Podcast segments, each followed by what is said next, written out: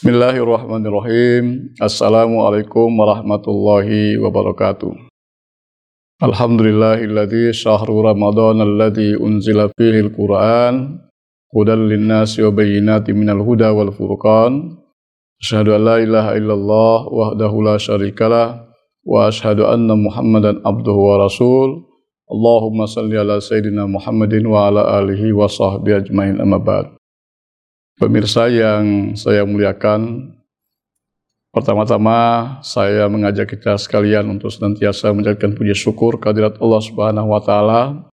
Alhamdulillah pada sore hari ini kita sudah memasuki Ramadan yang ketiga. Tentu kita berharap kepada Allah Subhanahu wa taala semoga ibadah yang telah kita laksanakan beberapa hari yang lalu diterima di sisi Allah Subhanahu wa taala. Salawat dan salam kita kirimkan kepada dunia kita Nabi besar Muhammad sallallahu alaihi wasallam pada para keluarga dan sahabat-sahabat yang sekalian. Hari ini insya Allah kita akan berbicara sejenak tentang bagaimana puasa itu berkualitas. Tentu eh, kita memahami bahwa puasa ini adalah satu fardu ain yang diwajibkan kepada seluruh kaum muslimin. Walaupun demikian kita telah bertahun-tahun telah berpuasa, itu kita rasakan sendiri tentang bagaimana puasa kita laksanakan di keseharian kita di bulan suci Ramadan. Apakah puasa kita termasuk golongan puasa berkualitas atau puasa kita mungkin belum berkualitas. Nabi mengatakan, Nabi Shallallahu Alaihi Wasallam dalam hadisnya, kam min sa'imin laisasyam illal ju walatas. Banyak di antara kalian berpuasa, setiap hari berpuasa, tetapi tidak mendapatkan apa-apa. Artinya tidak mendapatkan pahala.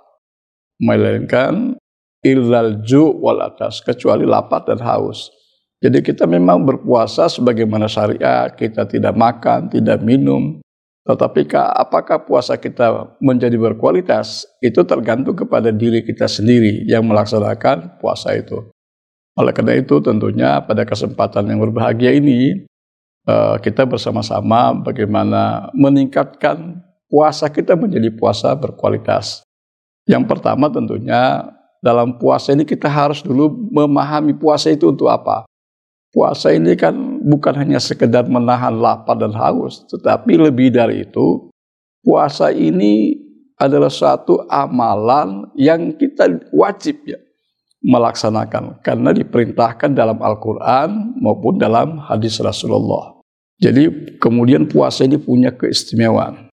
Dalam hadis kursi misalnya Allah mengatakan as-saumuli wa ana ajzibih jadi puasa itu untukku kata Allah dan aku yang memberi pahalanya. Jadi kalau amalia-amalia lain misalnya kita laksanakan satu kali kita laksanakan dilipat gandakan pahalanya menjadi sepuluh. Tetapi kalau puasa beda. Kenapa? Karena Allah mengatakan as-saumuli wa ana ajzibi. Artinya Allah kita puasa itu untukku, kemudian aku yang memberikan pahalanya. Nah pahala diberikan Allah itu kita tidak ngerti. Boleh sedikit, boleh banyak dan boleh sebanyak-banyaknya. Tergantung kualitas puasa yang kita laksanakan. Oleh karena itu, puasa ini ya pertama-tama tentunya kita di saat-saat sahur kita mau melaksanakan puasa, harus kita berniat, luruskan niat dengan sebaik-baiknya. Jadi kita tidak hanya sekedar makan sahur, tapi kita sudah mendapatkan nilai pahala sahur kita dapatkan. Nah, kemudian kita bagaimana menikmati sahur itu dengan betul-betul kita tanamkan dalam hati bahwa kita ini adalah menjalankan perintah Allah Subhanahu wa taala. Kita makan sahur berniat. Ya, kita harus pasang niat dengan sebaik-baiknya. Nah, niat untuk puasa. Kemudian di dalam kita berpuasa, apa yang kita lakukan untuk meningkatkan amal-amal itu, untuk meningkatkan nilai kualitas itu? Ya, tentu kita juga harus memperbanyak pekerjaan-pekerjaan uh, yang sifatnya sunnah ya. Nah, sunnah ini kan kita laksanakan misalnya pada pagi hari kita melaksanakan setelah puasa, setelah makan sahur, ya kita melaksanakan sholat wajib dulu kita berjamaah di masjid kemudian kita apa namanya melaksanakan sholat subuh kemudian kita membaca Al-Quran semua ini adalah amalan-amalan ya yang menambah pahala kita kemudian setelah itu kita mungkin siang ada waktu setelah membaca Quran ya kita sholat uh, duha ya dan sebagainya dan sebagainya kegiatan-kegiatan yang kita laksanakan di dalam berpuasa itu harus berupaya semaksimal mungkin bernilai pahala. Nah, seseorang menjadi kualitasnya tidak menjadi puasanya tidak berkualitas. Kenapa? Karena dia sama saja di hari di luar bulan Ramadan. Ketika dia selesai bangun subuh ya, kemudian mungkin dia tidur, kemudian dia mengerjakan rutinitas ke kantor ke mana-kemana, tetapi tidak mengindahkan hal-hal yang padahal dia berpuasa, apalagi puasa di bulan Ramadan. Dia lupa bahwa dia berpuasa sehingga misalnya kata-katanya, tata cara berbicaranya, dia tidak kontrol sehingga menyinggung orang lain, membuat orang lain tidak nyaman. Demikian pula halnya sikapnya tidak berubah, kebiasaannya yang tidak berubah, Ya kebiasaan mana? Ya kebiasaan misalnya kalau dia misalnya hobinya ya ada kesenangannya melaksanakan hal-hal yang menyimpang.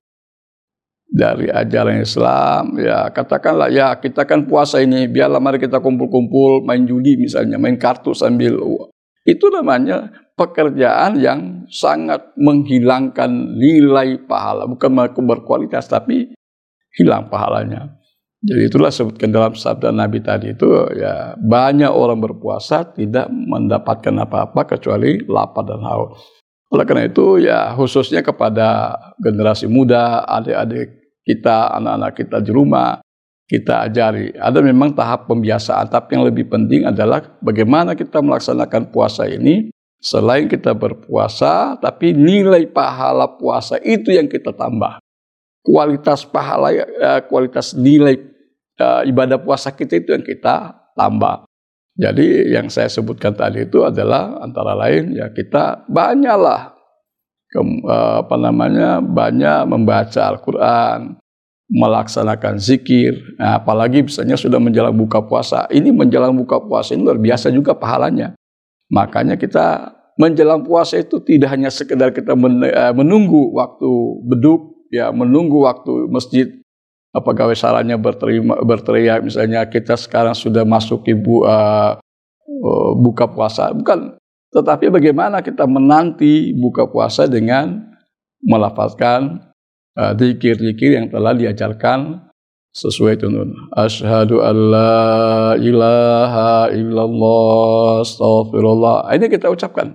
Kita ikuti ya. Biasa kita lihat dengar televisi, lihat di televisi, kita dengar di radio, kita tidak hanya sekedar mendengar, tapi kita juga melafalkan. Untuk apa? Agar kita betul-betul mendapatkan tambahan pahala dari Allah Subhanahu wa taala.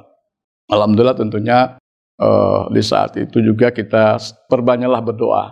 Apalagi uh, suasana negara kita sekarang ini masih dalam uh, musim uh, pandemi, tapi alhamdulillah sudah mulai menjauh dari kita. Tetapi momen Ramadan kali ini kita terus jangan berhenti berdoa kepada Allah Subhanahu wa taala agar penyakit ini, virus ini segera meninggalkan bumi ini ya agar kita semua uh, bisa nyaman kembali beribadah dan terutama uh, saudara-saudara kita mudah-mudahan kita berharap berdoa kepada Allah yang uh, sudah dua tahun kita tertunda melaksanakan haji dengan doa-doa yang kita panjatkan di bulan suci Ramadan ini, insya Allah tahun ini mudah-mudahanlah uh, kita bisa melaksanakan haji sebagaimana biasa. Inilah beberapa hal yang saya dapat saya sampaikan pada waktu yang singkat ini. Mudah-mudahan ada manfaatnya kepada kita sekalian. Ada kekurangan, saya mohon maaf. Allahumma ila Wassalamualaikum warahmatullahi wabarakatuh.